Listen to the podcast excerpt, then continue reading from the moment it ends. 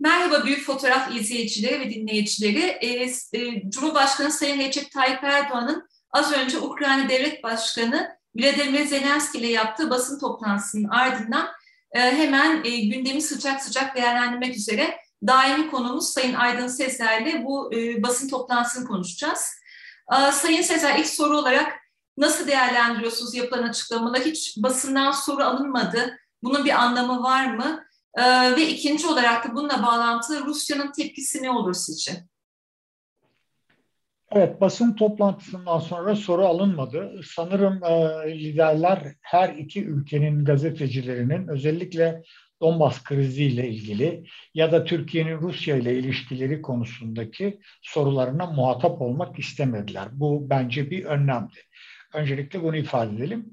İkincisi e, Melekçe Hanım bugün Sayın Cumhurbaşkanı giderken arabuluculuk konusunda yapmış olduğu açıklamalar bağlamında bugün Rusya'dan Peskov'dan bir açıklama geldi. Vladimir Putin'in Türkiye ziyaretinin henüz netleşmediğini tarih açısından belirtti. Bu çok önemli.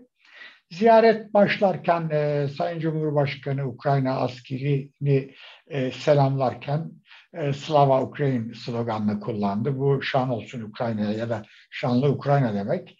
E, Rusya'da yasaklanmış bir slogan. Rusların oldukça e, karşı çıktığı, alerji duydukları bir slogan. E, Nazi işbirlikçilerini çağrıştırdığı gerekçesiyle Rusya'da e, yasaklandı. Bu çok önemli. Bugün e, hem Zelenski'nin hem Sayın Cumhurbaşkanı'nın yaptığı konuşmalarda aslında e, biz geleneksel Kırım'ın Rusya, Ukrayna'nın parçası olduğu ve Ukrayna'nın toprak bütünlüğünü tanıdığımıza yönelik açıklamamızı teyit ederken Zelenski arabuluculukta Türkiye'nin arabuluculuğuyla ilgili konuya hayırhalıkla yaklaştıklarını belirtti, ifade etti. Zelenski bunu sadece Türkiye ile olan ilişkilerinde değil, Donbas konusunu Putin'le ve Rusya ile zaten konuşmak istiyor öteden beri. Ancak Kremlin'in burada bir şerhi var.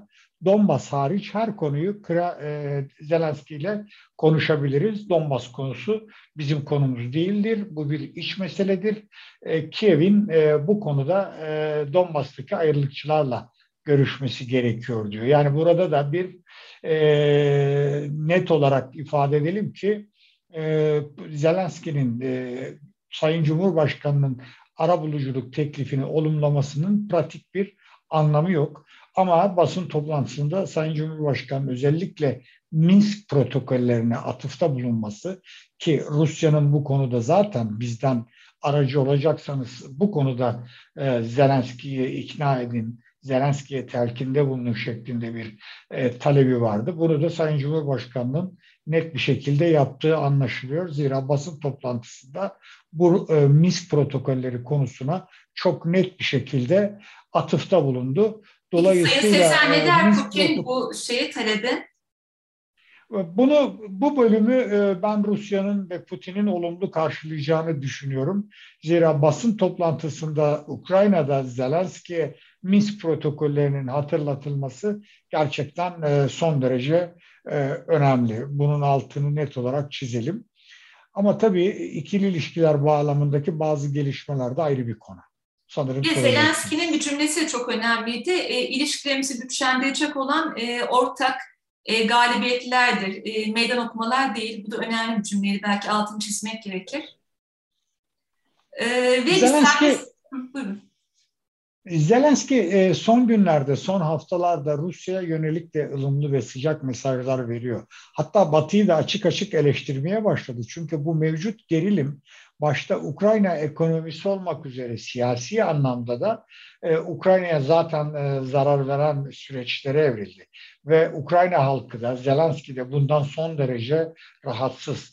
E, Batı'nın kışkırtması ya da Batı'nın perspektifinin ötesinde Zelenski bu girdaptan kurtulmaya kurtulmaya çalışıyor ve Rusya ile ABD'yi NATO ile ilgili konularda adeta baş başa bırakmak gibi e, bir e, durum peşinde koşuyor. İşte buna da bu nedenle de Sayın Cumhurbaşkanı'nın çabalarına destek veriyor gözüküyor.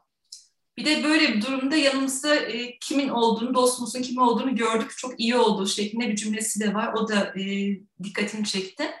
E, peki bir de serbest ticaret anlaşması imzalandı. Sizin en önemli uzmanlık alanlarınızdan biri de ticaret. E, bunu nasıl yorumlamak gerekiyor? Özellikle Türkiye'nin gümrük birliği bağlamında.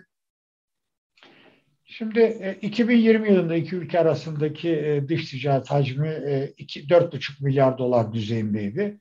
Bunun geçtiğimiz yıl 7-7,5 milyar dolara ulaştığını anlıyoruz. Liderlerin her ikisi de bunu teyit etti ve hedefin 10 milyar dolar olduğu söylendi. Bu aslında Türkiye'nin ve Ukrayna'nın potansiyeli dikkate alındığında çok önemli bir rakam değil. Öncelikle bunu belirtelim. Bir de iki ülke arasındaki ticarete konu olan malların kompozisyonuna bakıldığında gümrük vergilerinin düşürülmesi ya da sıfır, sıfıra indirilmesinin dış ticarete yeni bir ivme katacağı kanaatinde değilim. Kuşkusuz olumlu bir etkisi olacak. Bunu yatsımıyorum ama burada şöyle bir yanlış algı var medyamızda. Ee, bu e, anlaşma, serbest ticaret anlaşması bizim Avrupa Birliği ile Gümrük Birliği müktesebatından kaynaklanan e, bir konu. Yani bu anlaşmayı yapmamız zaten bizim bir gerekti, bir zorunluluktu. AB mevzuatı açısından. Kaldı ki Ukrayna'nın Avrupa Birliği ile sadece serbest ticaret anlaşması değil, bir ortaklık anlaşması var. Dolayısıyla hem ortaklık anlaşması hem serbest ticaret anlaşması olan e, Ukrayna ile Türkiye'nin serbest ticaret anlaşmasını bugüne kadar neden imzalamadığının sorgulanması gerekiyor. 2016'dan bu tarafa neresen baksanız 6 yıllık bir süre var ve bu süre iki ülke arasındaki askeri ilişkiler bağlamında son derece önemli işlere imza atılan bir e, süreye de işaret ediyor. Dolayısıyla bu anlaşmanın e, bir gecikmeyle de olsa önemli bir aşama, merhale olduğunu söyleyebiliriz. Bir de son olarak bu toplantının en önemli gündem maddelerinden biri de SİHA'ların motorlarının Ukrayna'da yapılmasıydı. bu konuda da anlaşmaya varıldı sanırım. bu konuda Rusya ne tepki verir sizce ve bizim ve Ukrayna açısından böyle bir işbirliğinin önemi nedir? Şimdi bizim öncelikle ikili ilişkiler bağlamında Rusya ile savunma sanayi işbirliği alanında karşılıklı bağımlılığı geliştirecek seviyede adımlar atıyor olmamız hiç kuşkusuz çok önemli.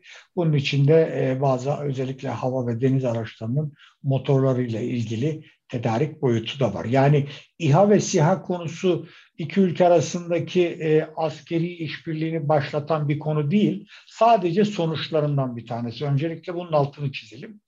Ee, evet orada üretim yapılacağına dair zaten daha önceden de medyaya sızan bilgiler vardı. Hatta e, Sayın Cumhurbaşkanı'nın Putin'le Soçi'de yaptığı baş başa görüşme esnasında da benzeri bir bakım ve işbirliği anlaşması da imzalanmıştı. Geçen Bu, e, sene bizim açımızdan... Bey o anlaşma. Evet, evet, evet 28 Eylül'de. E, bu açıdan e, olumlu bir gelişme ikili ilişkiler bağlamında. Bunda bir tereddüt yok. Fakat e, Rusya özellikle İHA ve SİHA'ların Donbas'taki iç savaşta kullanılıyor olması olması nedeniyle bir rahatsızlık duyuyor. Bunu da çok açık bir dille de e, dile getiriyor. Umarım agit gözlemcileri ya da bundan sonraki süreçte İHA ve SİHA'ların e, Ukrayna iç savaşında kullanılmasına şahit olmayız. Ancak her iki ordunun da envanterinde, Ukrayna ordusunun envanterinde bulunuyor olması ayrıca çok önemli Türkiye açısından. Dolayısıyla bu Rusya açısından kritik bir e, gelişmeye işaret ediyor. E, bu konuyla ilgili rahatsızlıklarını da hiç kuşkusuz belirtecekler. Ama bu e, Türkiye ile Ukrayna arasındaki savunma sanayi işbirliğinin engellenmesine yönelik ya da durdurulmasına yönelik e, bir süreç, bir sonuç üretmeyecek. Fakat Türkiye İHA ve e, SİHA'ların kullanımı ile ilgili Zelenski'ye telkinde bulunmalı. Zaten bugün Minsk Anlaşması'na atıfta bulunması Sayın Cumhurbaşkanlığında bu yönde bir telkin olduğu anlamına da geliyor. Bu her şeyden önce bir ticari, bir stratejik işbirliği. Bu böyle kabul etmek gerekiyor. Bir de Zelenski enerji işbirliğinden bahsetti. O konuda işbirliğini geliştirmek istediğinden. E, neler yapılabilir mesela enerji konusunda? Türkiye'nin son dönemde özellikle doğalgaz konusundaki enerji bağımlılığını düşündüğümüzde?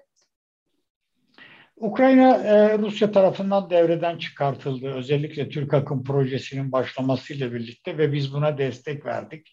Çünkü e, boru hattı Kıyıköy'de e, karaya çıkıyor.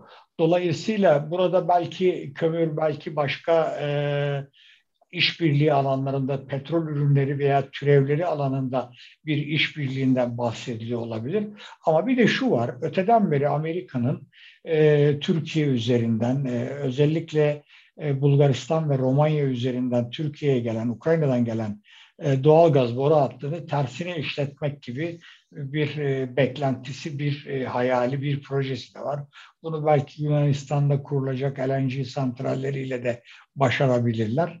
dolayısıyla ben bunu spesifik olarak doğal gaz anlamındaki bir işbirliğine yönelik bir adım olarak değerlendirmiyorum. Zaten Ukrayna'nın kendisi doğal gaza ihtiyaç duyan bir ülke ve şu anda Macaristan üzerinden Avrupa'dan doğal gaz alan bir ülke.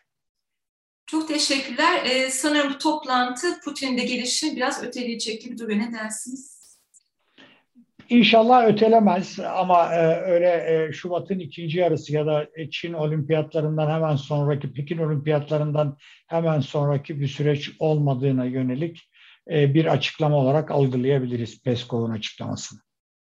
Çok teşekkürler Sayın Sezer. E, çok güzel aydınlattınız gene bu kadar e, taze gündemde. E, büyük fotoğraf olarak yayınlarımız devam edecek. E, muhtemelen bu konuyu daha fazla işleyeceğiz önümüzdeki günlerde. İyi yayınlar, teşekkür ederim. Teşekkürler.